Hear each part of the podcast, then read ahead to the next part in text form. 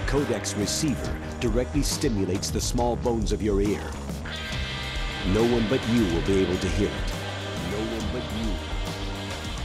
Stay a while and listen. Nerdeprat. Nå, kjære lytter, så får eh, munnen min luften til å vibrere. Og den vibrasjonen gjør, går gjennom luften og inn i en membran. Og den membranen påvirker et elektromagnetisk felt, som så blir til et elektrisk signal, som sendes inn i en datamaskin, og så blir til fra dette analoge signalet til nuller og enere, som da enten sendes gjennom en sender ut i luften, som går inn i en antenne på din DAB-radio, og så igjen går fra å være nuller og enere til å bli analoge signaler, som så får en eh, en sånn magnet til å gå frem og tilbake, sånn at en membran vibrerer på en sånn måte at du hører denne lyden. Og hvis ikke det er fascinerende, så vet ikke jeg. Eh, Kjør på med applaus. ja. Ja, nå føler jeg meg bæret. Men eh, om ikke det var nerdeprat, så vet ikke jeg. Fordi du hører jo faktisk på nerdeprat, og jeg heter Andreas.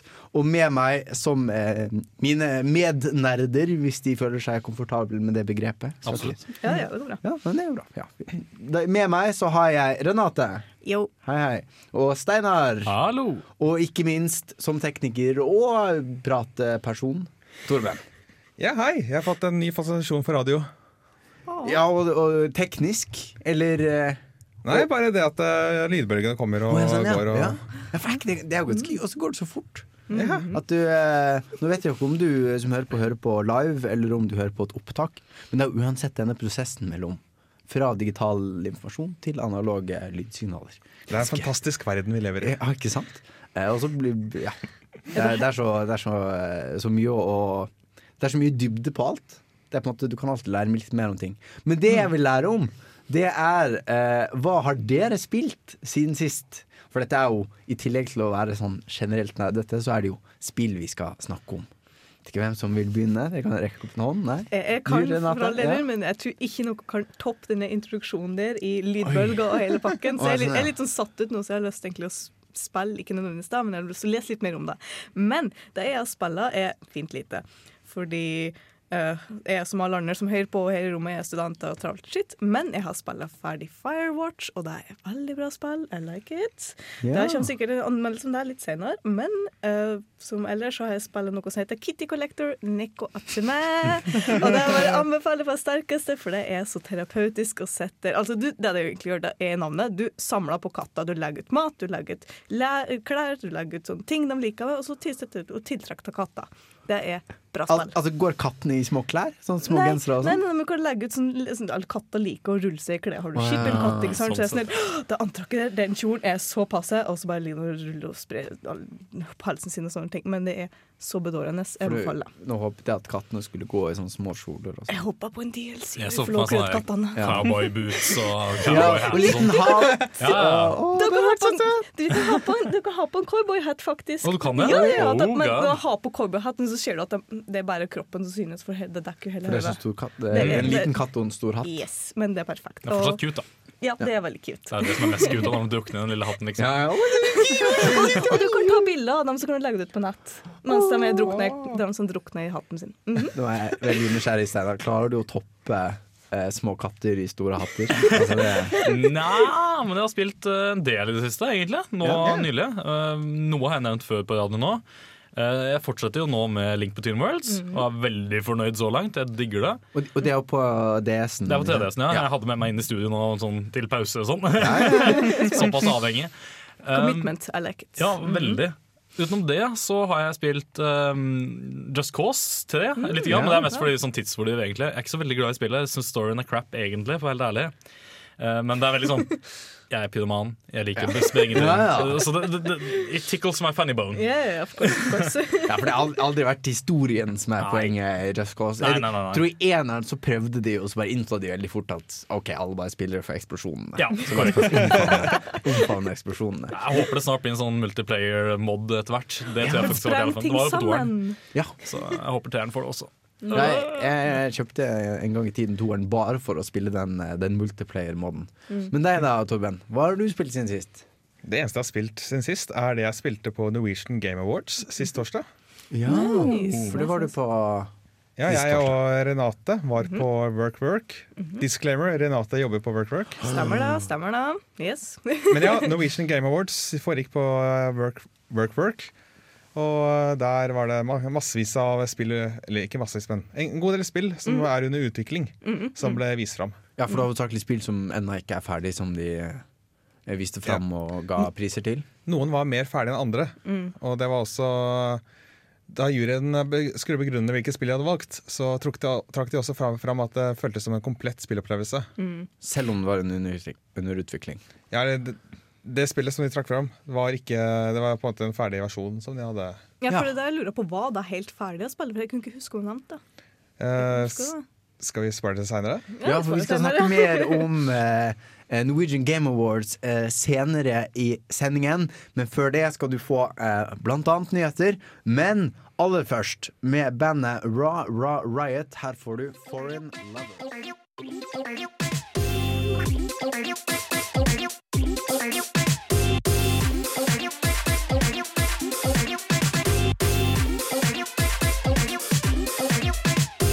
Nerdenytt. Da gir jeg ordet til dagens nyhetskorrespondent eh, Torben. Hva har du med til oss? Jeg har med litt uh, innsidehandelsak Oi. fra Norge. Jeg har med oppfølger som kanskje ingen forventet. Jeg har med noe rart folk har laget i Super Mario Maker. Jeg har med at Fallout 4 får tilleggspakker, og at uh, League of Legends blir en spillmodus fattigere. Holy shit. Men eh, aller først den litt eh, seriøse saken fra Oslo, eller nærmere bestemt eh, Økokrim og Funcom. Mm, ja, ok. Fordi at Funcom ble for tre år siden Eller, nei, nå, nå blander jeg årene. det går bra. To år siden så var det Økokrim som hadde et raid, eller hva man kaller det. Razzia? ja. Ja, ja, Ja, ja, tenkte jeg Kanskje de har, de har sikkert raid i ny og ned. Unnskyld, fortsett. litt, litt passende, fordi at eh, det Økokrim mistenker, er at eh, fire av eh, toppene i Funcom hadde gjort seg skyldig i innsidehandel. Det som de mener har skjedd, er at disse fire toppene har forlatt selskapet, men at de i forbindelse med å forlate selskapet, eller etter å ha forlatt selskapet, at de solgte aksjer på et veldig gunstig tidspunkt. Og at de, vis, de visste at det var et gunstig tidspunkt fordi at eh, de gjerne visste mer om The Secret World enn det omverdenen visste. Ja. Så eh, de eh, Fordi at dette skjedde rett før lanseringen av The Secret World. ja, Så da hadde de fått med seg kanskje at det ikke kom til å selge så bra som eh, eh, man trodde. Så de solgte rett før Ja. presselanseringen, liksom. Og så, eh, et, og så sank aksjene i verdi rett etter at de hadde solgt dem. Mm, så no, det er litt sånn manipulering, litt stormannsgalskap. Så Mens Ja, eh, men det er kanskje ikke li- like åpenbart for alle at det er på en måte ulovlig. For det, de, jeg regner med at de visste det, men det er på en måte for noen som vraser så tenker man liksom å, det var lurt gjort å selge de aksjene. Ja, det er litt utspekulert. ja, Ja, litt ja. spekulert, kanskje. mm, samtidig så mener de at dette, dette ikke er innsidehandel. Å nei. Ok, De- Så Økokrim de, de selv? Ja, to, Ja. De mener selv at det- de ikke har gjort seg skyldige i det. Jeg vil tro, dette er bare min spekulasjon, men at det, liksom at det var mer en tilfeldighet at de solgte på det tidspunktet. Kanskje at det er det de tenker. Det høres jo litt gunstig ut, da. Ja, litt Ja. for gunstig, kanskje. Jeg vet ikke. Litt for flaks. Jeg var Men tilfeldig, hva- altså. hva- Jeg tjente mye på det.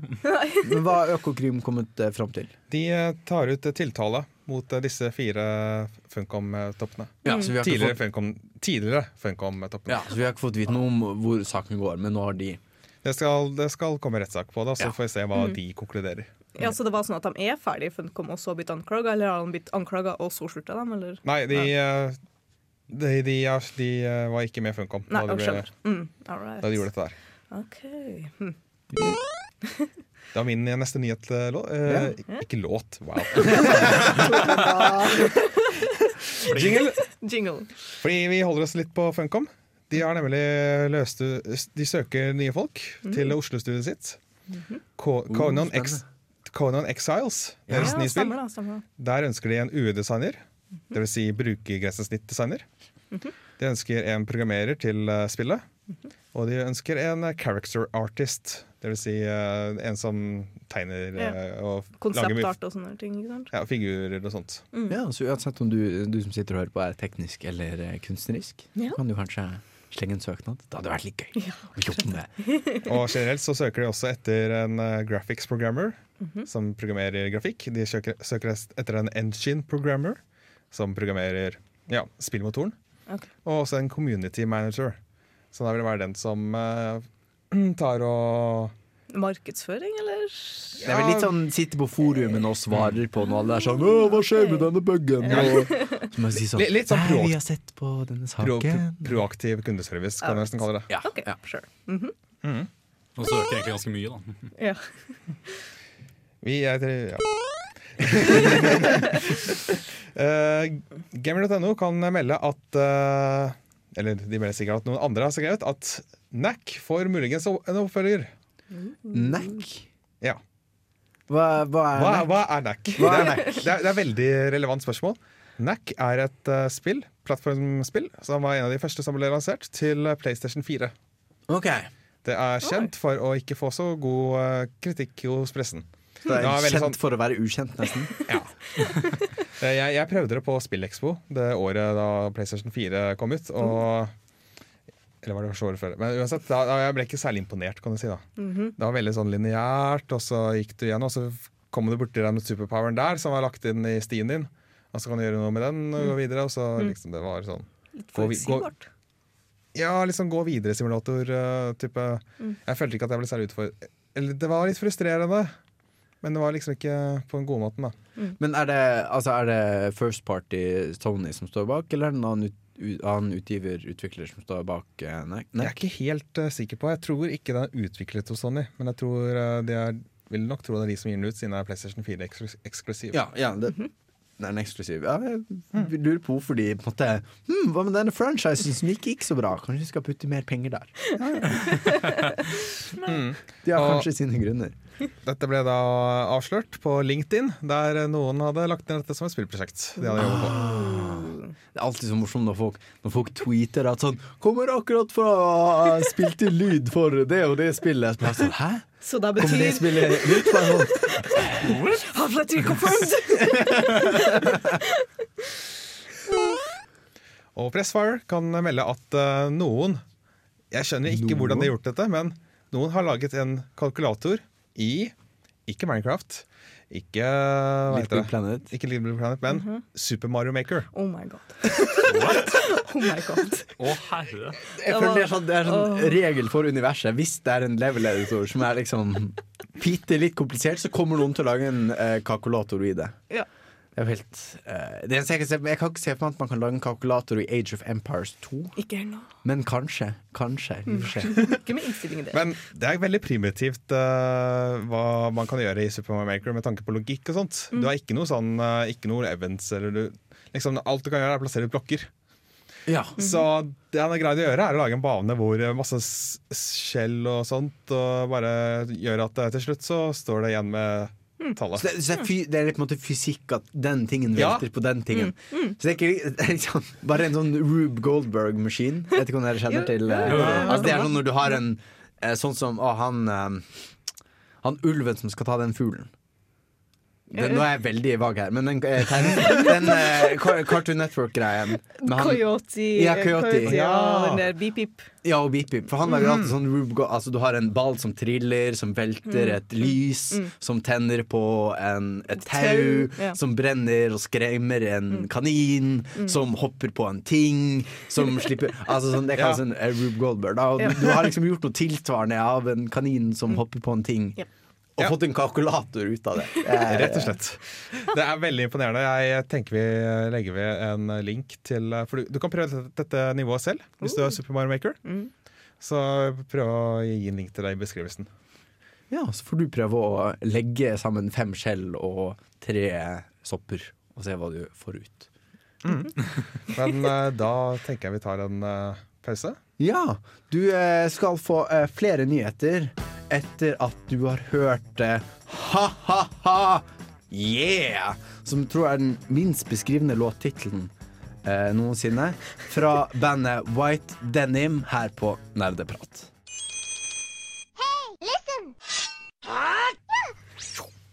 Ja, du har flere spillnyheter til oss, eh, Torben. Yeah, det har jeg.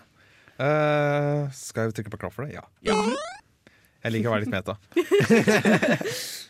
uh, Pressfire melder at Riot Games legger ned Dominion-modusen i League of Legends.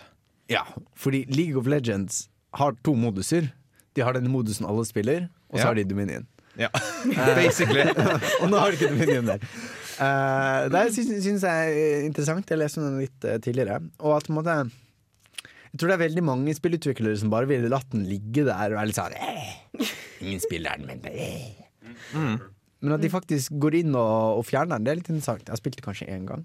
Eh, Hva du sa det var Dominion? Dominion. Modusen som var Ja, det er en slags sånn... Hva er Dominion?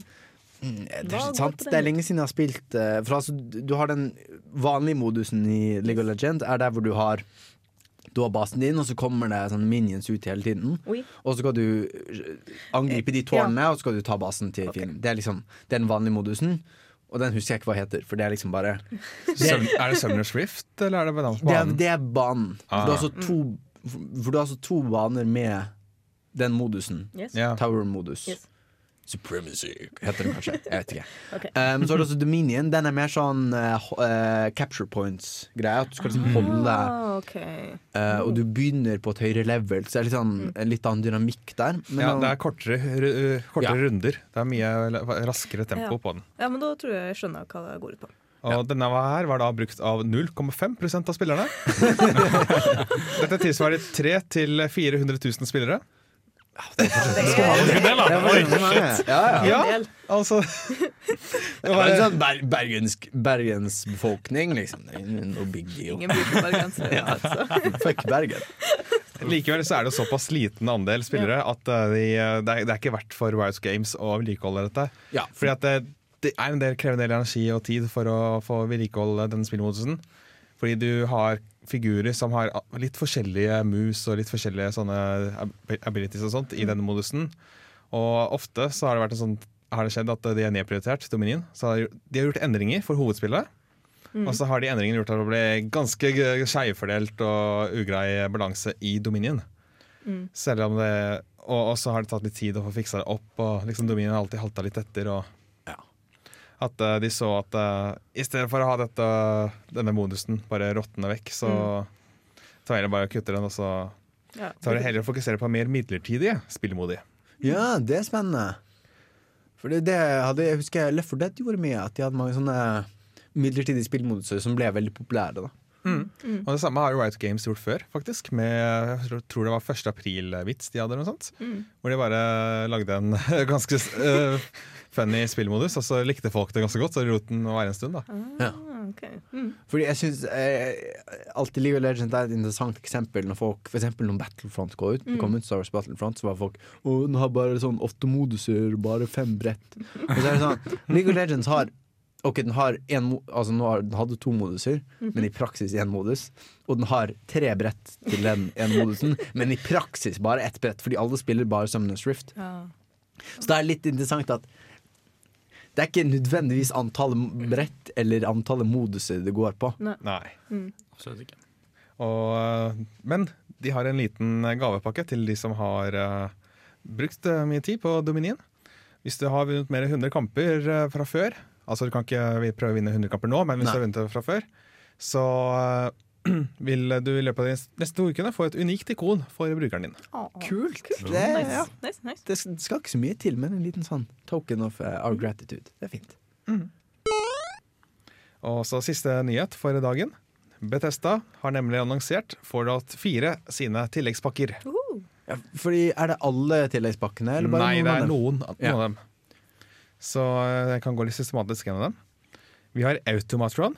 Kommer ut i mars til 10 amerikanske dollar. Og der så får du nye robotfiender som du kan beseire for å få robotdeler du selv kan sette sammen til eh, akkurat den roboten du ønsker. ah, ok. Nice, nice, nice. Kult. I eh, Wasteland Workshop for 5 US dollars i april. Der kan du eh, fange fiender i sånne ja, litt sånn Bur, liksom? Ja, bur. Mm -hmm. Traps.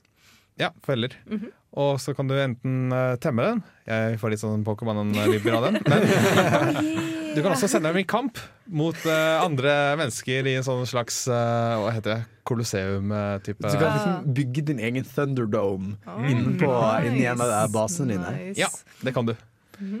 Og så har vi kanskje den største pakken som er annonsert så langt. Den er til 25 US dollars. Kommer ut i mai. Heter Far Harbor.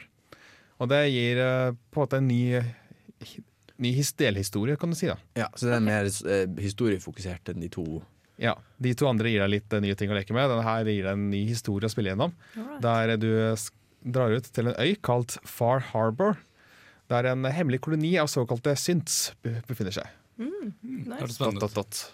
Nei, jeg syns det er spesielt spennende at det virker som de med DLC-en omfavner litt Altså, Hvis vi sammenligner Fallout 4 med de tidligere Falloutene, så er det litt mer sånn Litt mer moro. Altså litt mer sånn Ikke så sånn tung RPG, men Nei. mer sånn lag det våpenet du vil, skyte på morsomme monstre, Ja, ding, ja. Det er litt mer tut og kjør og moro skyld, og det, det virker som spesielt kanskje Automa, Automatron og uh, Wasteland Workshop.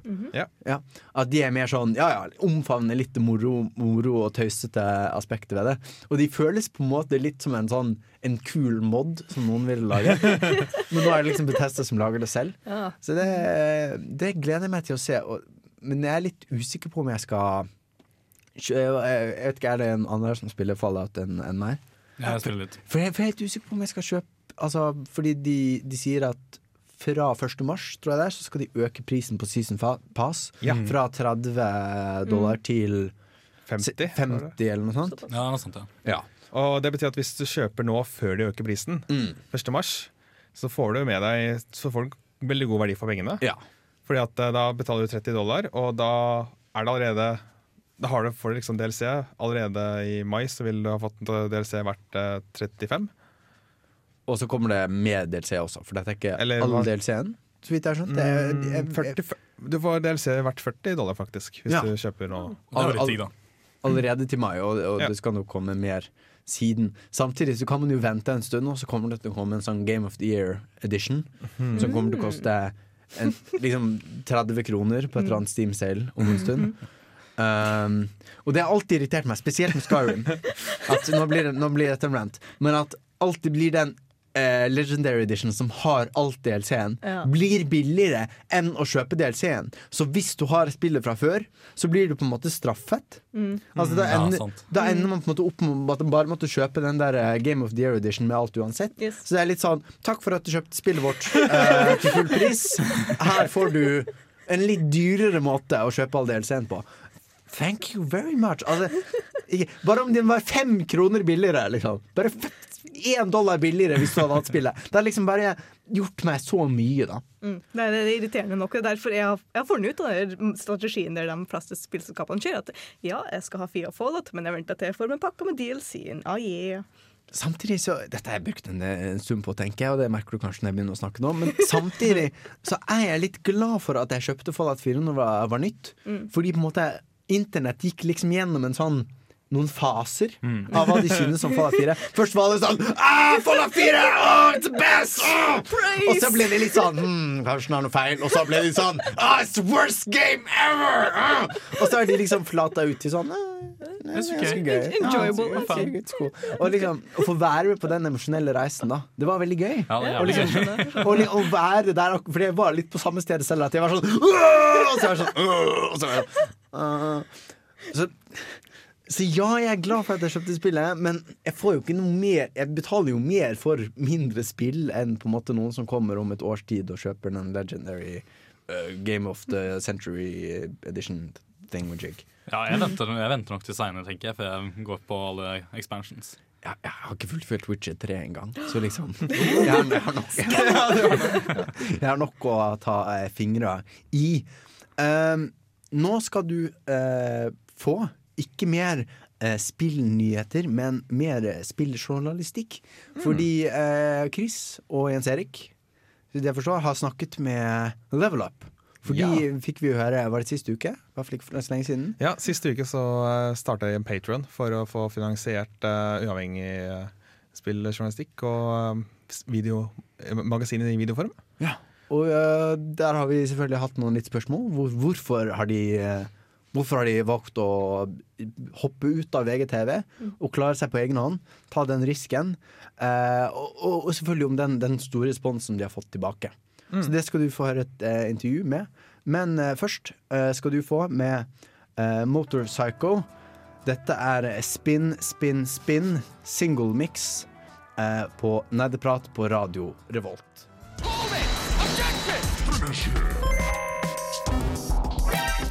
Nerdeprat. Velkommen eh, via Skype, eh, Karl Martin Hoksnes og Rune Fjell Olsen fra Level Up. Tusen takk. Eh, Veldig hyggelig å ha dere her. Fint at dere kunne stille opp litt ja, tidlig og tidlig. Frømlom. Det er ikke så spesielt tidlig for, for dere, kanskje, men det er litt tidlig for oss som er studenter. Ja, nei, Vi har vært oppe lenge allerede, så det går fint. Sto klokka seks i dag, faktisk. Ja, eh, ja, jeg skjønte at dere hadde vært hos, hos Radio Nova på et sånt morgen, morgenshow-intervju. Stemmer. Og Det, det har vært mye presse, pressedekning på dere, nå som dere har gått eh, Ja, blitt uavhengige. Skilt dere ut fra, fra VG og etablert Level Up som en, som en sånn uavhengig kanal. Hvordan, hvordan har det gått eh, så langt? Det har gått eh, veldig, veldig bra. Um, vi trodde jo at vi skulle stå på mye barere bakke enn det, da, det vi endte opp med å gjøre. Nå har vi jo vært liksom tre dager. Dette er den tredje dagen uh, som helt uavhengig. Det var uh, Siste arbeidsdag på VG var uh, på fredag. Så vi er jo på en måte allerede godt i gang. Og ja, det er jo mye takket være alle de fantastiske seerne vi har, selvfølgelig. Som først backa oss med støtteaksjoner og massevis av hyggelige tilbakemeldinger og sånne ting. Og så har fulgt opp med å faktisk backe oss med kroner og øre på Patreon. Så vi er jo på en måte allerede der at vi kan eh, Altså, vi hadde ikke levd godt av det, eh, men vi hadde overlevd. Hvis, vi, eh, hvis vi ikke hadde fått noen andre inntekter. Det er jo kanskje den retningen veldig mange, veldig mange går i nå, virker det som. Og dere Det var jo veldig trygge jobber dere hadde hos VG, for så vidt. Ja, beslutningen er basert på at, at spill er det vi brenner for. Spill er det vi er flinke til å gjøre ting med. Eh, Dette er liksom det vi har lyst til å gjøre. Og når vi så at det var eh, litt nå eller aldri, eh, det å ta den sjansen, det å ta det hoppet ut i det store mørket, liksom, eh, så, så det føltes riktig å gjøre det. Selv om vi fremdeles for så vidt er usikre på om, eh, om vi kan få dette til å bli lønnsomt over tid. Det, det vet vi ikke, men vi visste at vi måtte prøve, og det føles veldig bra nå. Nettopp. Um, nå glemte jeg spørsmålet ditt. Jo, nå kommer jeg på spørsmålet mitt igjen. Uh, Level Up på VGTV var jo et sånt ukesmagasin, og nå, nå går dere over på YouTube, og dere går over til streaming, og dere går over til, til um, altså, Dere hadde jo podkaster før også, men nå har dere uh, Dere går tilbake til flere podkaster igjen. Eh, blir det, en, blir det et lignende, lignende oppsett sånn som på VGTV, eller bare tenker dere ok, nå skal vi gjøre noe helt nytt og annerledes og spennende? Det blir vel en slags blanding av de to. Vi, eh, vi må jo tenke litt nytt i og med at det er YouTube, eh, YouTube som er et litt annet format enn det VGTV var. Så eh, for eksempel så har vi jo nå mye, flere mye kortere videoer istedenfor et ukentlig magasin. Og så må vi nok tenke litt sånn spennende nye spalter vi ikke har gjort før. Ting som kanskje føles litt mer frist, altså ikke det bare er det samme gamle. Nettopp. Ja, og så er det på en måte, Nå står vi helt fritt til å eksperimentere og prøve ut nye ting. og Rett og slett bare leke oss litt og, og ha det gøy. da. Eh, samtidig som vi jo må produsere ting og levere innhold eh, hele, hele veien. Eh, det kommer nok til å bli magasinformat, kanskje månedlig. eh, som etter hvert kanskje blir ukentlig. Det er jo litt avhengig av hvor mye ressurser vi har. og, og sånt, for det, det å lage et ukesmagasin eh, krever jo en hel uke med jobbing. Så, så det er på en måte eh, et stort og viktig spørsmål vi må ta stilling til. Og så snakker vi jo med masse forskjellige folk nå. Eh, Det er, det er ikke helt usannsynlig at vi kanskje får på plass et, eh, et magasin på en TV-kanal eksempel, om et års tid. For eksempel. det, er, Såpass, ja. eh, det er i hvert fall innenfor, innenfor hva skal man si, spennvidden av de tingene vi jobber med om dagen. Ja, skjønner. Men, eh, men ellers har dere liksom noen, noen umiddelbare planer, planer framover for, for hva som skal skje? Nei, det første blir vel kanskje aller mest å eh, levere på Patreon til det folk har betalt for, og det de forventer å få. Mm. Sånn det er innholdsmessig. Det er prien. Men eh, eh, pri 1,1, det er jo å, å få på plass liksom alle de tingene som må være på plass. Fordi vi kan jo f.eks. ikke honorere noen uten å ha uh, selskapet på plass. Vi må ha den bankkontoen og rutiner for å sette av arbeidsgiveravgift og eh, MBA og, sånn. Alt det der må være på plass. da. Ja. Så det, det må bare gjøres. Ja, så Den største forskjellen for dere blir på en måte det VG gjorde litt for dere før, da. Ja. Ja. Og så skal vi jo snakke litt med potensielle sponsorer og samarbeidspartnere og masse sånne ting. Så der er det jo lina opp det ene møtet etter det andre de kommende ukene. Ja, Eh, så og vi har er allerede vært på mange av dem. Ja. Så, eh, så det er på en måte mye som må på plass, da. Uansett. Men som Carl sier, pri én for oss er jo å lage, lage innhold, rett og slett. Lage videoer. Og senere i sendinga så skal vi snakke litt mer om Medie-Norge og Level Up sitt syn på det her. Eh, Men før den tid så skal du blant annet få litt mer nerdeprat, og aller først en låt. Eh, Det er Hotline Theme fra spillet Hotline Mammy, og den er komponert av Benny Smiles. Du lytter til Nerdeprat fra Radio Revolt. You're listening to Nerd Talk from Radio Revolt. Det var første del av et intervju med eh, Level Up. Eh, og så tok Chris jobben min. Hva er dette for noe? Det var jeg som, det var jeg som skal si navnet på låter, men det er iallfall eh, Hotline eh, Miami Theme fra Hotline Miami 2. Eh, ikke fra eneren. Eh, er- for å gå på en liten digresjon, bare hvor bra musikken i Hotline Miami er. Det er litt sånn eh, Det er en veldig viktig del det spillet. Eh, Spill det spillet. Vi, burde, eh, vi har begynt med en sånn Steam Creator nå. Vi kan jo slenge opp en, en anbefaling på Hotline Miami. Det skal jeg gjøre. Eh, men hva syns vi om denne dette, det vi hørte fra Level Up-folka her? Ja, nei, Jeg er veldig spent på hva som skjer videre. Jeg husker ennå den første gangen jeg ble introdusert til Level Up. Da var når jeg var sånn 15-16 år og bare liksom bladde i VG, og så var det der ei hel side bare med gaminganmeldelser, og der sto jeg tror han Rune han heter. Han, eh, han ene, jeg tror han første som starta opp Level Up, og liksom sto der og liksom snakka om spillet. Jeg bare, herregud, det er så amazing Og så har jeg fulgt dem litt sånn smått i ny og ne. Og når jeg hørte de skulle slutte i VG, eller liksom ikke fikk jobb mer i VG, så ble det sånn oh, please, ikke dø ut. Og så gjør de ikke det. Så jeg er veldig spent på hva de skal gjøre videre. Ja. fordi, for jeg syns alltid, som liten synes det alltid var en sånn spennende validering, vil jeg si. Mm, mm, ja, Når det liksom var en av de sånn store, seriøse avisene skal man jo kalle VG den mest seriøse avisen, men det er er en diskusjon til Oh, det, det er jo største avisen Ja, den er den er Ja, størst, i hvert fall. Det er, det er jo ingen tvil om. Uh, at liksom de uh, skrev om spill, det syns jeg alltid var morsomt. Og BT of- og jeg også har av og til spillanmeldelser. Det var liksom litt sånn kult. Sånn, yeah, det er litt sånn At det, det er liksom Få litt anerkjennelse altså, Det er en spennende dualitet. Man vil jo ikke bli helt mainstream heller. Nei, nei, nei. Men å få en sånn, liksom en sånn validering fra en de Ja. seriøse aktørene, det er alltid kult. Jeg kjenner meg veldig mye til at de sier at de skal lage ut mer content, da, mer video og sånt. Det setter jeg veldig stor pris på. Jeg synes Ja. alltid de har veldig mye spennende å snakke om, og de har lagde ofte spennende videoer å følge med på. Men at det, det ikke var eh, nok? Eller hva tenker du? Siden du Nei, jeg føler det var nok. Jeg bare digger det noen som blir med. Ja, Mer av det gode, liksom. jeg, jeg vil ha, jeg vil ha. I want more. Hva, hva tenker vi om at det virker som de går mot eh, jeg håper å si mer og mindre? Altså at de går gjerne for korte videoer, men flere av dem pga. formatet? Jeg tror det kan være en god ting. Altså. For det første så å ha timelange videoer på YouTube. Jeg tror ikke det er noen har tjent på det. Og at eh, de, no, Noen er kanskje interessert i deres anmeldelse av Unravel, mens andre er mer interessert i uh, anmeldelse av eh, Firewatch. Mm. Uh, apropos, vi skal ha anmeldelse av Firewatch etter hvert. men eh, at eh, noen er interessert i noen ting, men ikke alle. Ja. Jeg tror også at det kan være greit å ha dere i mindre sånne At jeg kan konsumere dem i mindre biter. Ja. Fordi jeg fikk Jeg, kjent, jeg, jeg pleide å følge med på Level Up, men så falt jeg litt fra. Fordi jeg følte aldri at jeg hadde tid til å sette meg ned. Og ja, nå, de neste halvannen timen så skal jeg sitte og se på Level Up. Mm, Mm, Liksom, det er er enig i det. er liksom veldig deilig å kunne sette seg ned og ha tid til det, men det er ikke, i praksis så følte jeg aldri at jeg hadde tida. Det blir liksom bite-sized Yeah. content. Ja, akkurat det jeg skulle si, at det blir bedre med bite-sized eh, videoer. Du Mm. føler at du har tid til å se en kjapp en før du går på bussen eller eh, mellom forelesninger. Liksom. Ja, ja. Det var jo sykt digg. Ja, litt sånn morgenunderholdning. Bare liksom, jeg skal oppdatere meg på siste spill. Sette seg ned og se på dem. Ja, OK, nå kan jeg gå, liksom. Ja. Ja, ja, for det, det, det, det er jo den retningen eh, det går nå. At folk vil ha liksom hva de vil ha, når de vil ha det, og alt skal være, liksom være mindre og mer tilgjengelig. Da. Hva, hva tenker dere om eh, For det blir jo eh, At man liksom skal være helt selvdreven. For det, det synes jeg tenker jeg er et, av det mest interessante med For dem, da, altså Mm. for level up. Altså En ting er når du har en arbeidsgiver som ikke bare ta seg av moms og eh, arbeidsgiveravgiften, men på en måte det blir jo liksom Du må liksom opp, og du må liksom gjøre ting. Men nå er det sånn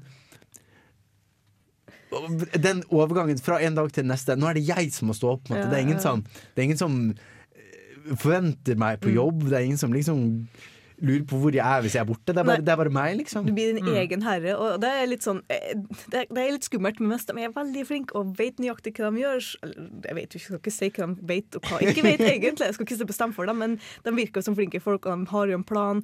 Men igjen, de er sjøldre, står mye på egne bein, kan mye gå galt, kan mye gå kjempebra. Så det, det er spennende. Så jeg håper ikke det blir kuka til.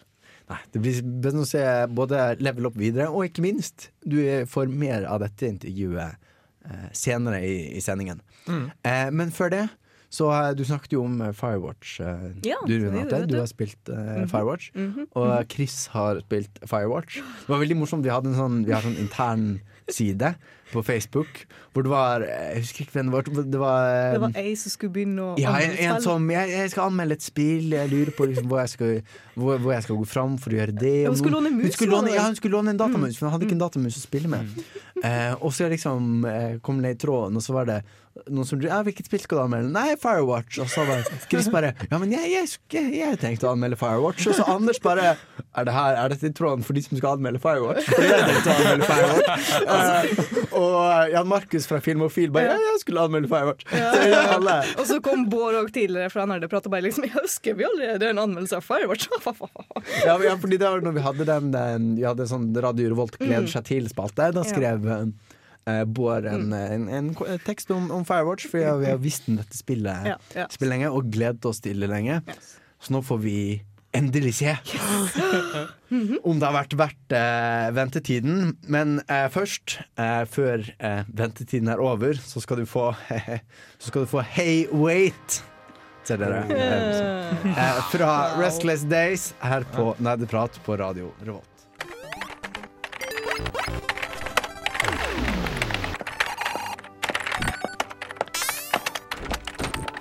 Sønn, nå skal du slutte å spille de Nintendo-greiene og ta deg en tur ut i skauen. Sønn, men jeg vil ikke! ut! OK.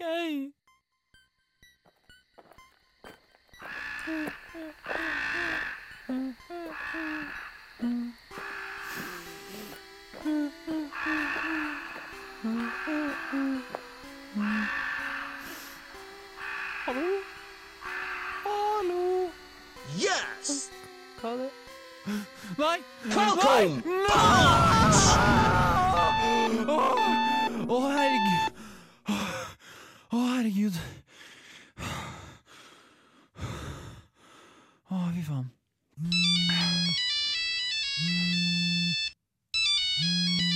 Hallo? Hei, hei Chris. Det er Andreas som ringer.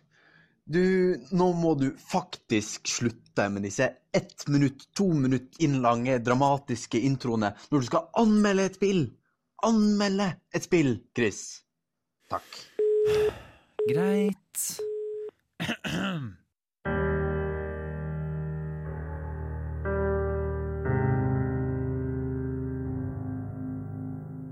Firewatch er et eventyrspill utvikla av indie-utvikler Campo Santo, som fikk stor oppmerksomhet ved annonsering. Traileren, som presenterte den vide, fargerike skogen i Shoshone National Forest, Wyoming, gjennom Unity-spillmotoren, huka inn stor interesse. Spillet starter med å rase gjennom fortida til skogvokteren Henry, som hovedsakelig fokuserer på historien om hans store kjærlighet Julie. Alt i en dans på rosa frem til Julie blir alvorlig sjuk, noe Henry takler dårlig. Når alt ser mørkest ut, så skimter han en jobbutlysning i avisa, og kort tid etter så vandrer han i to dager til sin nye arbeidsplass ute i Ingenses, Two Forks Lookout.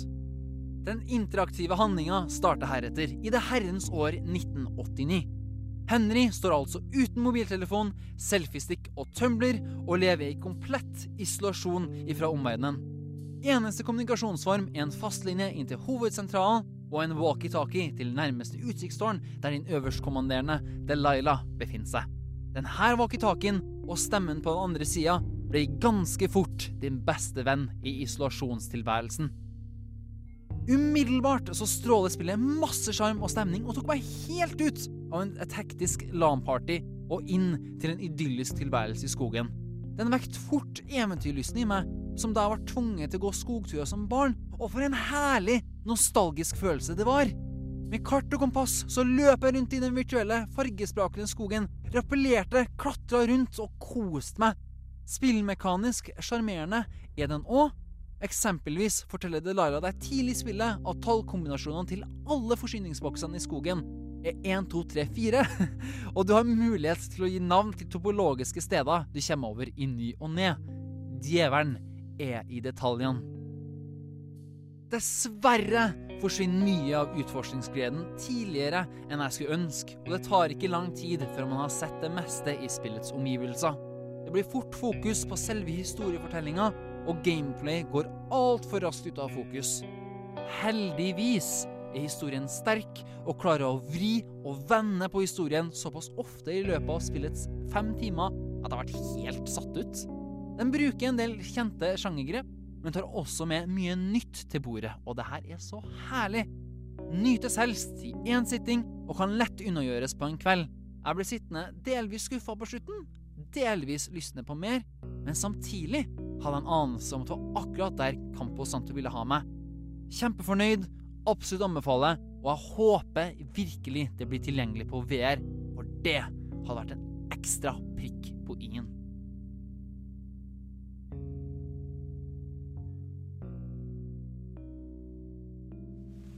Det var Chris sin anmeldelse av eh, Firewatch, som vi har eh, gledet oss til lenge. Og nå har vi jo ikke Chris med oss her i studio. Um, han, nei, han er opptatt med, med skolearbeid. Det er, ikke, det er litt sørgelig, det òg. Men, Mm. eh, men han er ikke død, altså. Eh, men men du, har, du har spilt litt Firewatch, Renate. Ja, det har jeg. Um, jeg er veldig enig i det Chris sier. Uh, veldig mye. Jeg kjente meg igjen den følelsen at å, oi, jeg skal ut og gå tur, jeg skal ut og utforske, jeg skal ut og bruke kroppen, jeg skal føle meg som en mann versus wild og alt det der. Um, jeg er også enig der at liksom det går veldig fort fram at å ja, nå er vi rett ut i historien. Slutt med, slutt med oppdagingen, nå skal vi gjøre noe annet. Her ting. Og, men igjen, jeg må bare påpeke at det som jeg liker best med å spille, jeg spilte faktisk ferdig i går, at det var musikken. Etter at jeg spilte ferdig, så er jeg sånn nope. Jeg går inn i spillet igjen, setter på musikken mens jeg setter meg og leser, fordi det er så haunting og melankolsk og allting, så det er vakkert, altså. Ja, for det var den musikken vi hørte i bakgrunnen nå. Oui. Litt sånn rolig eh, Ja. piano Litt piano, ikke sant? Ja, ja. Enkel, gitar. musikk. Ja, kanskje Ja. gitar òg.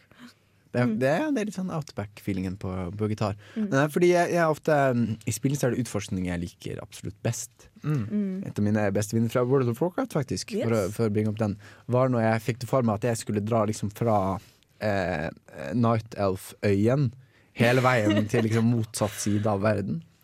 Ja. Eh, og jeg, tror du at eh, Firewatch er, er et spill som vil treffe den jeg håper å si klø, den, den kløen Ja, ja, ja at i meg? liksom s- den type publikum som liker utforskeren. Mm, ikke helt Jeg skal ikke si for sikkert, for jeg har ikke fasit på det, men jeg følte at jeg hadde veldig mye sånn utforskning. Men det var ikke like åpent som i World of Warcraft. Det var liksom sånn der at jeg kan gå på den haugen hvis jeg vil. Mens Fire ble litt sånn der Det var som realistisk at det her er det utilgjengelig for deg, du får det ikke opp. Og her er kartet, gå på kartet, gå på veien istedenfor. Um, men still, jeg følte fortsatt at det var litt som nye områder å se i ny og ne. Ja, ja. ja og det, det er veldig pent, ikke Det minst. er utrolig pent. Uh, og det er også en veldig artig ting med Firewatch. Du får jo et, etter hvert et kamera inn i spillet. Ja. Så kan du ta bilde av forskjellige naturområder, og du kan laste opp og bestille det, så du får det framed hjem til det. Som ordentlige bilder, bare inn i spillet. Ja, Chris har sagt han skulle gjøre det, at han skulle Mm. få disse, få disse sendt, fysisk, fysiske bilder eh, sendt til seg. Det er spennende man kan se forskjell. Jeg, jeg skjønner det veldig godt, for det er veldig sånn vakre bilder som du ikke får i virkeligheten, eh, fordi det er et spill, men still, det er, det er litt som maleri, egentlig. Eller en vanlig naturfotografi, men jeg skjønner veldig godt at folk vil gjøre det. Ja. Mm. Men eh, litt tilbake spillmekanisk. Altså er det for Chris sier at det er historien som på en måte tar fokus. Mm. Men er det, hvordan er det man skrider fram historien? Er det, eh, løser man gåter, eller bare liksom snakker man med folk, eller på en måte hvordan er det man spillmekanisk beveger seg gjennom historien? Det er mer å snakking, og du liksom blir fortalt historien til det, samtidig som du tar avgjørelser som er viktige til historien. da. Um, og det er, når jeg gikk inn i spillet, så har jeg ikke lest meg opp noe på det. Jeg så noe litt av traileren, men jeg hadde egentlig ikke peiling hva gikk med inn. Jeg hadde ikke snøring hvordan historien skulle gå ut på. Jeg visste ikke det der med om uh, hvordan hovedkarakteren hadde som backstory en gang. Så Mm. når jeg kom inn hit, så liksom sånn der, OK, det er en retribution journey, skal liksom oppdage seg sjøl og finne seg sjøl og sånne her ting i historien, da. Det er ikke det. Så når jeg ble introdusert i historien, så ble det litt sånn her Ip, hjelp, Gjerd, ute i skauen, jeg vet ikke helt hva jeg gjør, hjelp, Delilah, help me. Um, så du blir litt sånn Du vet ikke hva slags type historie du går inn eller om det er en dramatisk historie, en skrekkelig historie, eller om det er en kjærlighetshistorie du går inn i. Um, så det er veldig vakker historie òg, for all del. Den, den Ja. traff litt dyp i hjerterota. Men, men det er kanskje ikke så åpenbart, eh, åpenbart sjanger, kanskje? Nei. Kanskje det er litt greit? Ja, jeg syns det. Ja, at man ikke vet nøyaktig hva man skal Og kanskje det er også eh, håper jeg tipset til, eh, til eh, lytteren. Hvis, at hvis du syns at ja, altså, På hvilket bakgrunn vil du anbefale dette spillet? Hvis du, du, hvis du er en person som liker å liksom gå litt uviten inn i spill, så er det her et veldig godt spill for det. Ja, og for og få få en litt sånn ny, litt Mm. uvant opplevelse. Jeg vet Mm. ikke, eh, Steinar, om du for eksempel, som vilkårlig person som ikke har spilt dette spillet Ja, jeg har ikke Syn- spilt det, men Ja, det høres interessant interessant ja. ut. da. Mm. Eh, absolutt noe jeg kan plukke opp hvis det anbefales på det sterkeste. Ja, og det er sånn et enkelt spill du kan bare Jeg har ikke noe å gjøre i kveld, jeg tar og spiller og spiller, og som sagt tar det én sitting, og du får en god følelse etter å ha spilt det. Jeg digger sånne spill du bare kan plukke opp når du vil. liksom Yes, ikke sant? Det exploration-delen av spillet Mm. Det synes jeg høres veldig spennende ut. For Jeg Mm. elsker som sagt Jeg òg har den der kløen som du påstår er at uh, jeg må oppdage hele mappet. Mm. Jeg må se hele mappet. Xenoblade var mitt favorittspill noen Ja. gang. Og det er sånn Jeg elsker å oppdage hele verden. Mm. Hva er bak den haugen der? Ja, ja, ja. Alt sånn. Ja. ja, men da tror jeg det har begynt et bra spill for deg, Steinar. Ja, skal plukke det opp, jeg. Mm. Ja. Da håper vi du også har fått eh, Eller altså, det er ok, du må ikke tvinges til å spille det hvis du ikke vil, men altså Vi vil jo anbefale det. Uh, noe vi også vil anbefale Nei, det var litt tvungen uh, Segway. Uh, men Men Du kan si at vi nå skal utforske denne sendingen ytterligere. Ja, oh, hva ligger bak neste låt? Oh, det får du svar på om, eh, om litt over to minutter. For her får du eh, med Sof Sophie Lofi får du High Low. Du hører på Nerdeprat på Radio Revolt. Og bak den mystiske kneiken så viser det seg at vi skal snakke om Norwegian Game Awards. Eh, Som om det var en overraskelse. er, det, er det skummelt? Ja, det var kanskje ikke noen overraskelse heller. Eh, men det, det har vært frampek eh, mot dette punktet, ikke sant? så den årvåkne lytter vil vite, at, eh, vite det. Ok. Eh, du var på Du Torben, jeg kan ikke peke på folk på radio. Det er dårlig, det er dårlig radio. Beklager. Eh, Renato og Torben, dere var på Norwegian Game Awards sist uke. Det var vi. Yes. Eh, og hva, bare umiddelbart, hva, hva syns dere? Hva var helhetsinntrykket av eh, Norwegian Game Awards? Eh, jeg, jeg likte det. Jeg syns det var spennende å treffe utviklere som viste fram spillet sitt. Eller skal vi kalle det barna deres? eh, Liksom. ja, Ja. Så får jeg lov til å prøve å spille og liksom, jeg, jeg, jeg er ikke vant til spillmesser. Vi, er- vi er studenter i uh, Trondheim. Mm. Vi, er, vi er ikke vant til spillmesser. Nei. Og det, dette er kanskje ikke en spillmesse, men det er på en måte litt av det samme. At du prøver et uh, spill. Ja, og det, og det har blitt en tradisjon, for det har vært mange år på rad nå. Iallfall det har vært tredje gang der i Trondheim når jeg er her, men det har gått noen ganger før det. Skulle hatt Bård her, han ville visst hvor lenge mange ganger det har vært. Han er, for han er jo per mine beregninger ca. 200 år gammel. Eh, så han, eh, han, han, han ville visst det. Men, men eh, det er jo en tradisjon å ha Norwegian Game Awards. Og hva, hva fikk dere spilt siste sist torsdag? Jo, eh, vi fikk spilt veldig mye forskjellig, egentlig. Det er alt fra sånn vanlig strategispill til sånn Ikke multiplayerspill, men litt samarbeidsspill. At du må Mm. faktisk være to, men det var samme spillet, men to forskjellige skjermer. Jeg vet ikke om det var fordel å være i nærheten eller ikke. um, som heter Duality, og det er noen skapere her på Gløshaugen, det vel? Ja, Gløshaugen, ja.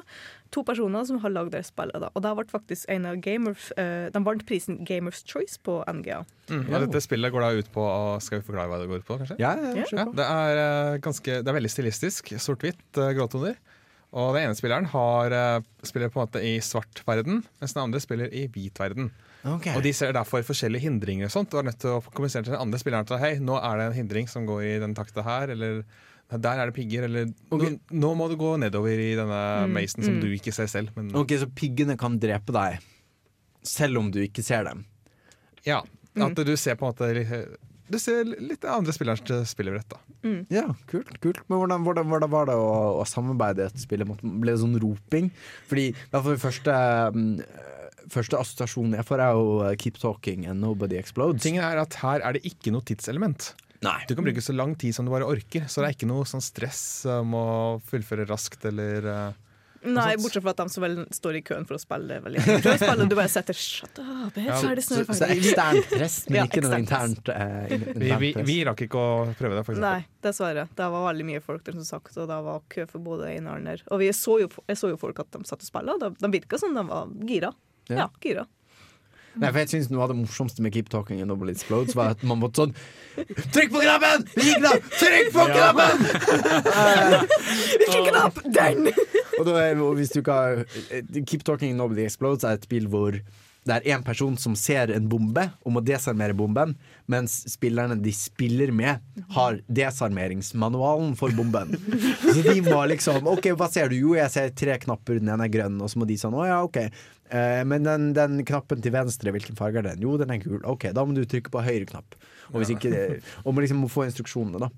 Så det, det er også en sånn asymmetrisk samarbeidsspill, da. Ja, er det ikke sånn, sånn 40 sider manualer, og du må gå gjennom alle og bare Gud, han vet hvilken som er rett, egentlig. Ja, ja og, det, og denne manualen er bevisst laget dårlig. Det er liksom Ah. litt av å liksom orientere seg gjennom den eh, manualen er en del av moroa. Den er lager litt sånn algoritme for de som eh, programmerer Ja. og sånt. Ja, ja, man må liksom gå gjennom en sånn OK, første steg, avklare det, andre steg, og på en måte det er sånn prosedyre, da.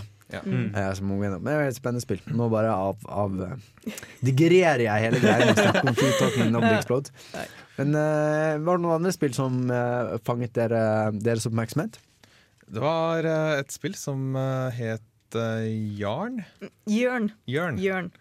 Og ikke, ikke Jørn som i Jørn men eh, som i eh, det engelske et eller annet. Kan vi tjene på norsk? Tjene. Er det ikke 'you're after something? Altså ja, ja, hige etter noe? etter, ja. Mm, mm, mm. Jo, det er et eh, spill hvor eh, du spiller mot en annen. Det spiller på samme skjerm mot hverandre. Og det er Ja. et eh, slags strategispill. Ja vel, på én skjerm? Mm. Hvor du tar tur. Aller først så tar spiller én og bestemmer seg hva har jeg lyst til å gjøre denne runden. Har jeg lyst til å bevege meg, har jeg lyst til å angripe, har jeg lyst til å spåne minions.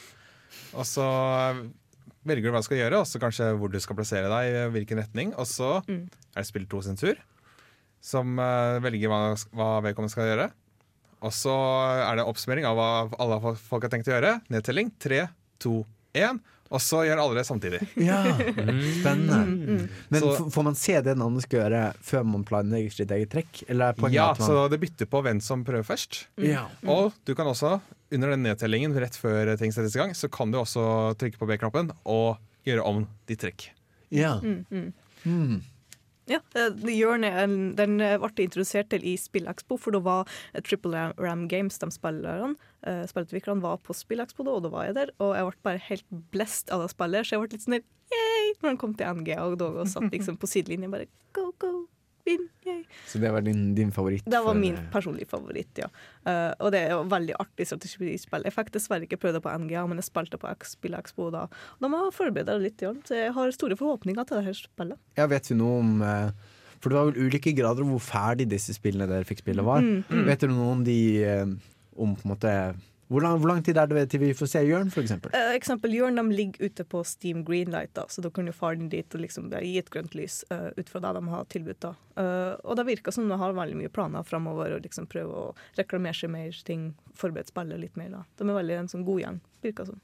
Spennende. Kult. Mm. Men et annet spill som var i større grad ferdig, Mm. er et spill som Forbit Games har laget.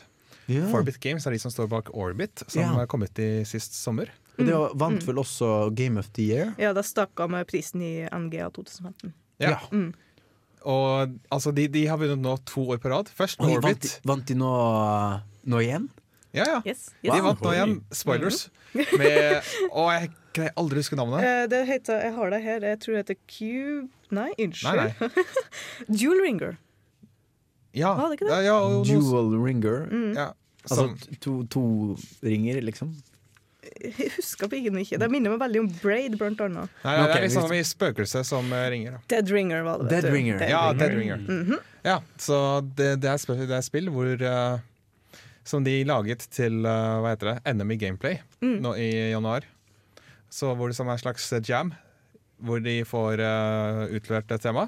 Altså Dette året så var temaet kloning. Og så hadde de en uke på seg til å lage et spill til dette temaet, og så ble det premiering og sånt. Ja, Og så har de gått videre med samme konsept. Ja, de har også brukt dette konseptet til Norwegian Game Awards. Og dette konseptet går ut på at du styrer en figur. Du beveger deg med venstre tommelstikke, du sikter med høyre, du kan skyte med en av skruknappene, og du kan bruke skjold med den andre. Tingen er det at det er også en klone av deg selv som gjør nøyaktig det du, du gjorde for et sekund siden. Mm. Og Ja. du og klonen kan skade hverandre. Så hvis du går litt oppover Hvis hvis du først skyter oppover, og så går oppover, så vil til sekund klonen skyte oppover og treffe deg, Mm. og så gå oppover til eh, stedet hvor du er. Ja, Så du må virkelig tenke, og hvis du klarer å bevege deg på en sånn måte at begge skyter mot fienden samtidig, så kan dere gjøre dobbeltskade. Ja, for Det hørtes jækla spennende ut. Og, og, og, og veldig vanskelig. Altså, sånn. Mind blown. Ja, ja, litt sånn mind blown. Men det, det er kanskje sånn du må prøve for å virkelig forstå. Ja, for første gangen jeg prøvde det, da var en av spillene jeg fikk prøvd, da var at jeg trodde den der kloningen ute med var ute etter å ta med. Så jeg var sånn Jeg hadde Bare ikke stikke av platen! Han kommer etter meg! Uansett hva jeg gjør, så tar han meg! Hva har jeg gjort? det? jeg, jeg tok en stund før jeg bare å, faen. Og så bare så litt rundt meg og bare Er det noen som så at jeg dumma meg helt ut? Nei, OK, bra. Så, men det var litt sånn, det er litt sånn artig bare liksom bli heavy ute å spille her, da. At du bare liksom OK, ja, OK, nei, hvis du gjør det, nei, OK. Nei, å, nå forstår jeg. Ja, men nå gir jo alt mening, herregud. Men det er et veldig bratt læringskurve. Ja. Se, selv om du starter med å vite at det er en klone av deg selv, så er det en bratt læringskurve. Jeg, jeg følte aldri, aldri meg helt komfortabel med spillet de få minuttene jeg prøvde. Jeg tenker meg at det er spillet som egner seg mye bedre hjemme i, hos deg selv i kontorstolen enn Mm. på Norwegian Game Awards, hvor det er mange som står i kø og, eller ser på. Ja, litt eh, prøving og feiling. Ja. Eh, vi, skal, vi skal snakke mer om hvordan det er å spille spill som ikke er eh, ferdig. Eh, men først skal du få eh, med ny låt fra Kak Madafaka. Det er skrevet med KAKK, så det er ikke dirty eller noen ting. Med Young You.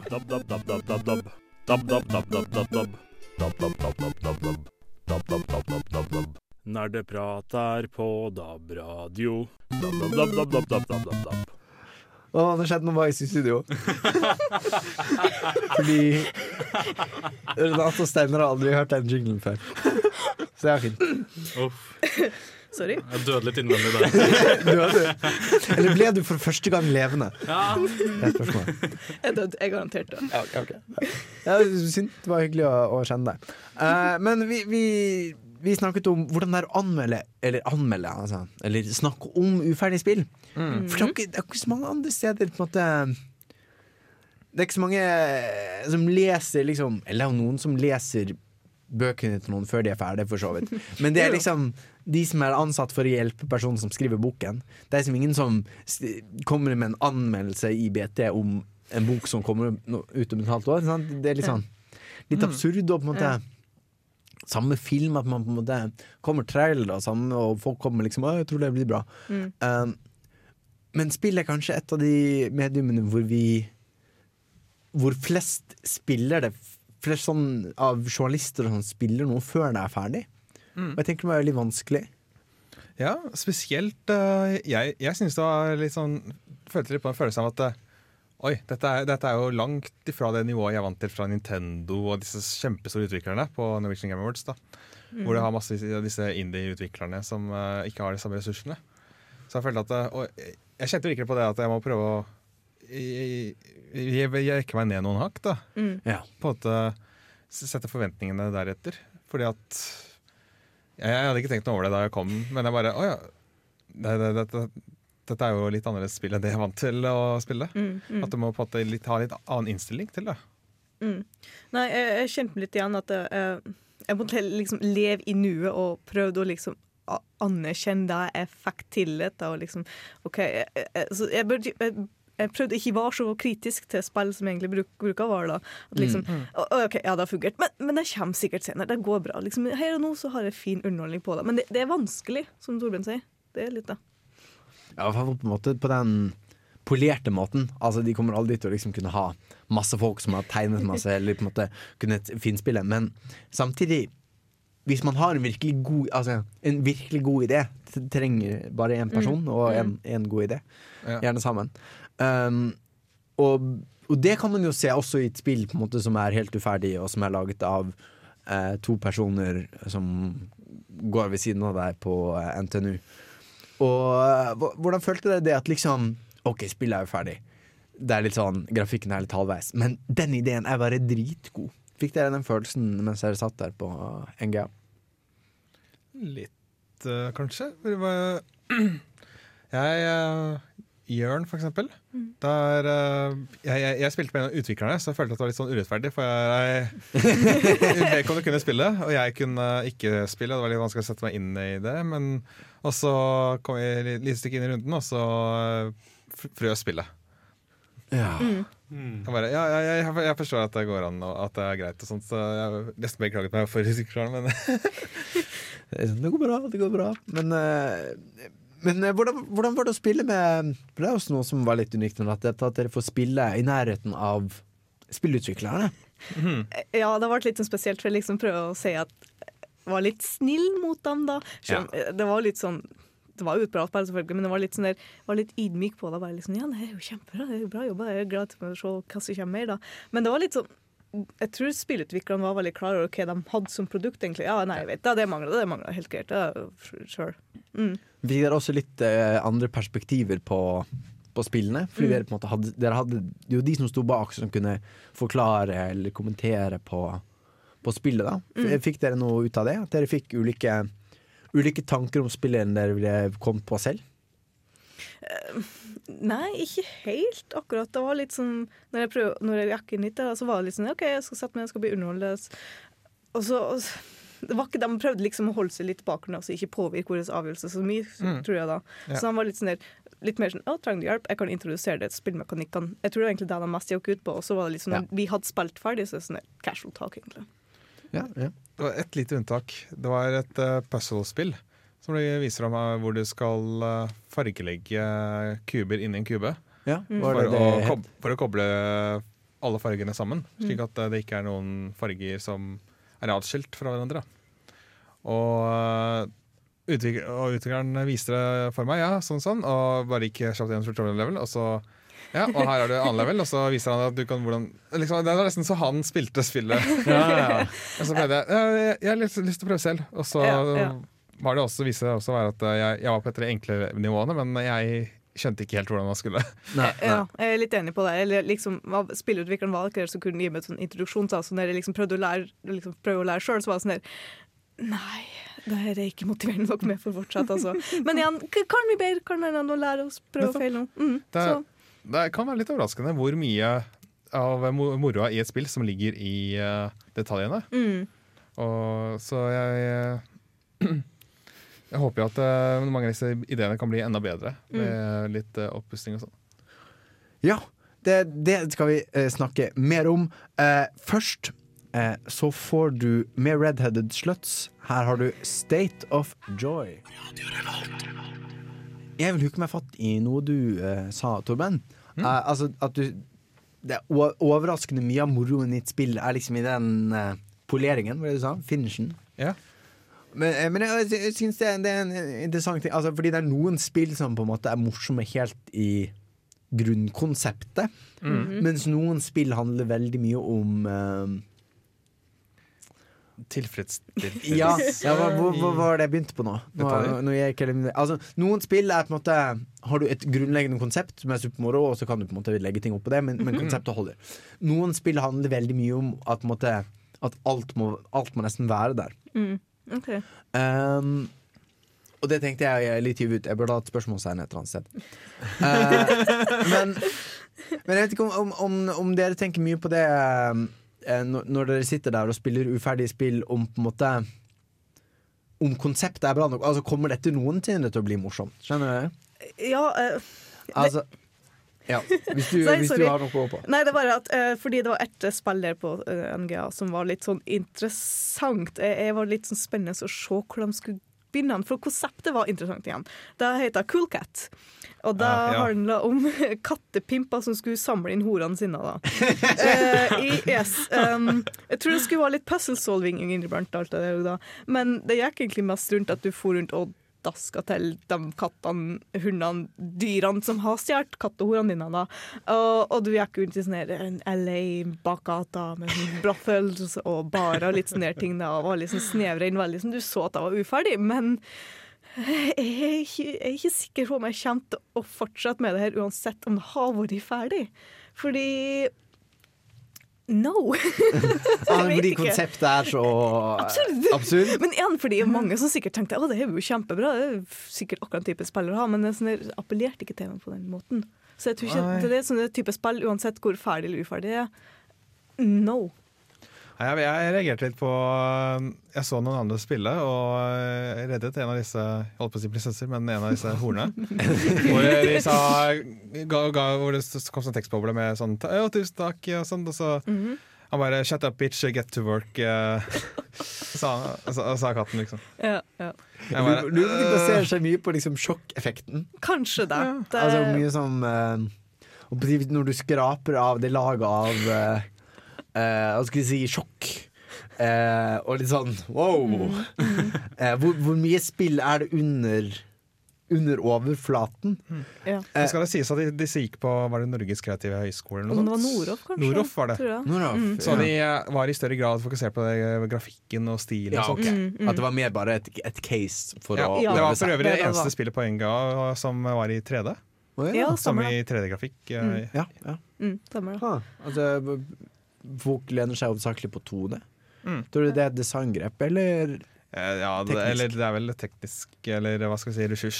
Ja, litt som i begynnelsen, så kanskje det var lett Jeg vet ikke om det kan være lettere å gjøre det med to. Ja. Ja, det, det er vet. vel, det er Du øker kostnadene sinnssykt mye Mm. i det du eh, legger til dimensjon. Mm. For jeg, for jeg må innrømme, når dere sa det, altså, sånn kattepimper og sånn, så så jeg for meg sånn søte små kattetegninger. Det er kanskje fordi jeg fortsatt hadde uh, Kitty Cat ja, Kitty Collector. Kitty, Kitty, Kitty Collector. Kitty Collector i hodet mitt. Så ser jeg liksom for meg sånn Små søte katter! Så sånn, Det her var litt mer sånn der, den der tegneserien som gikk på Cartoon Network på 90-tallet, Cool Cats. da, litt Ja. sånn der, Eller litt sånn human-ish katter. da. Mm.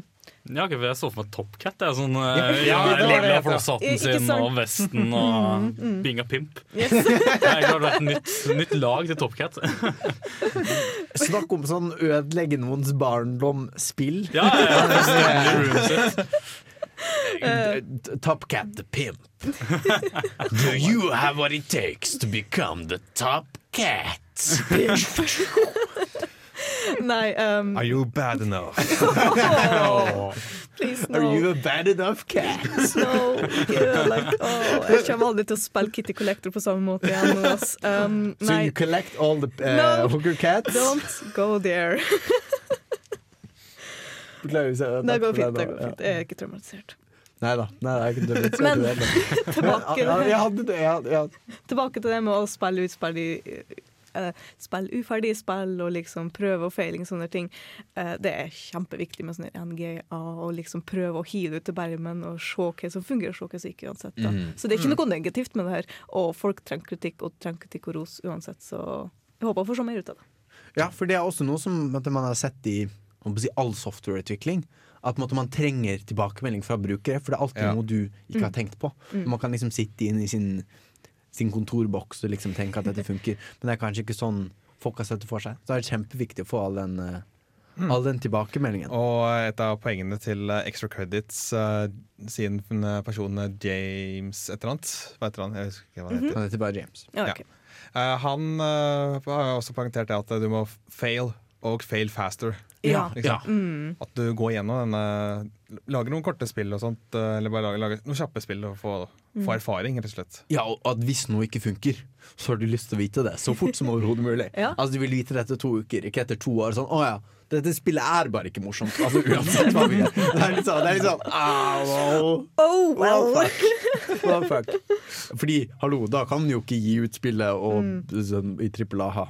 Det var en kritikk av trippel A-industrien. Veldig, veldig subtil og bra kritikk. Ja, forsto den. Eh, mm, mm. Um, du får mer eh, på en måte subtil kritikk eh, etter denne låten. Dette er Filco Fiction med Runny Mals på Radio Revolt. Mitt navn er Bare Egil. Du hører på Radio Revolt på internettmaskinen din. Eller DAB-maskinen din. Eh, vi snakker om spill under utvikling. Hvordan er det å spille dem?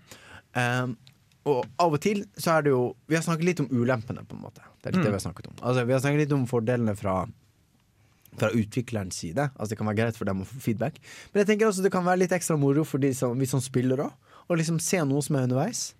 Ja. Det, er- få, få det litt live. Nesten som å høre på radio live. Men, al- altså, fordi det er på en måte Ja, men det er ikke perfekt, men det kan ofte være litt av magien. At det blir litt sånn ærlig og Det sjarmerende. ja, litt sjarm. Jeg syns det var veldig morsomt. Uh, Mountain Blade, det er et av de spillene jeg kjøpte som sånn Early Access. Det var liksom Early Access før det var kult. Og det syns jeg var veldig morsomt. Og liksom, litt den sjarmen å se noe som gradvis ble bedre, og på en måte Det var ikke perfekt. Det er, det er litt sånn indie-stil på det, så det er fortsatt ikke perfekt, men det var eh, en egen, en egen sjarm. Se utviklingen liksom live. Ja, det er også det at liksom annenhver uke eller sånn, så får du en ny feature Mm. eller et eller annet. Og så kan man jo påvirke, da. At man kan si, si meningen sin. Og Ja, det- sant det. At du har denne symbiosen mellom utvikler og spillere. Ja, ja, at du kan få Og hvem er det liksom Jo, fordi Overwatch de har jo faktisk på tatt til seg mye av uh, kritikken, og de har implementert blant annet et level-system nå, basert på de åpne betaene dine har. Mm. Så det er på en måte Det er jo klart at uh, Det er gøy å se at fordi du kom med en tilbakemelding, som skjer det faktisk noe.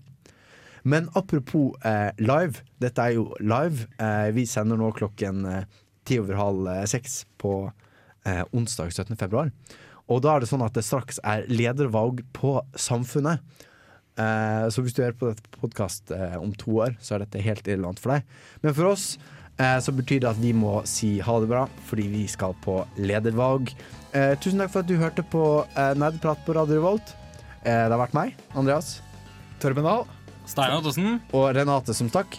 Eh, her får du eh, Sonic Adventure Red Barrage Aquarium eh, fra Brett eh, Garsed, Petter Fernandez og et navn jeg ikke kan se, fordi det er, det er for langt inni denne Ja. Og så får du også et eh, intervju, resten av intervjuet Ja, hadde ikke med. Level Up.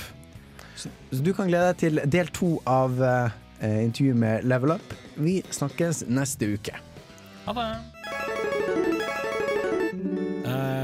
Jeg tenker vi kan skifte litt spor og kanskje prate litt om Uh, Medie-Norge og spilljournalistikk og litt uh, sånne ting.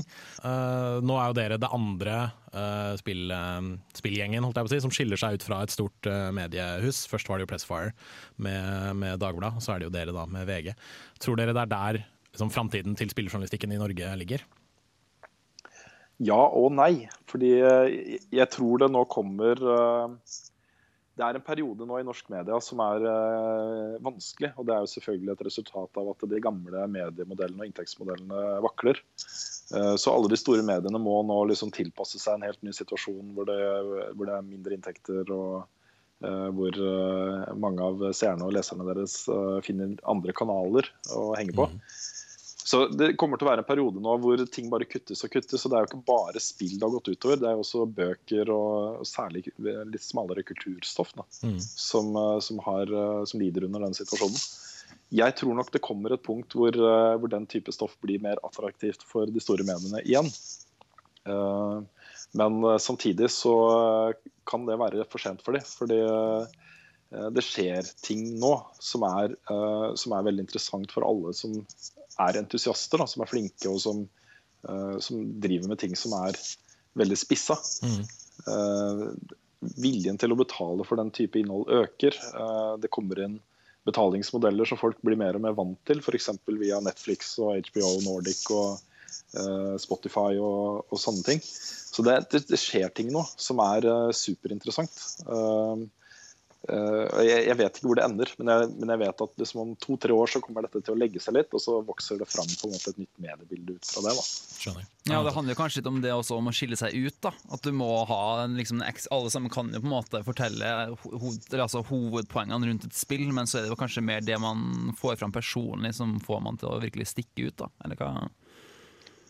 Ja, kanskje. Eh, et godt eksempel er jo det er en TV-kanal på norske TV nå som heter Jinx. Ja.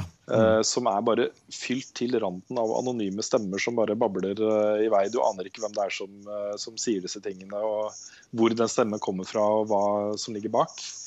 Jeg, jeg, jeg, har, jeg prøvde å se på det et par timer uh, for en stund siden, og det, det, det ga meg så lite. Altså. Det var så lite å hente der.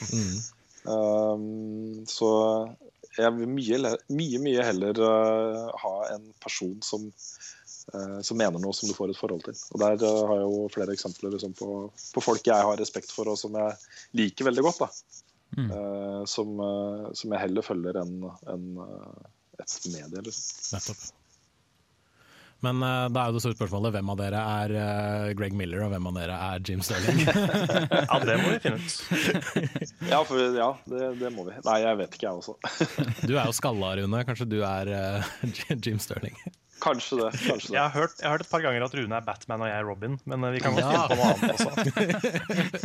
Nei, jeg, jeg, tror, jeg tror vi skal fortsette å være Carl og Rune. Ja. Det er på en måte Ja, spørs det, kanskje. Ja, jeg tror det. Det er øh, Jeg vil jo si at, øh, at det å på en måte ikke late som vi er noen andre enn de vi er, og sånt, har vært innmari viktig for oss. Selvfølgelig.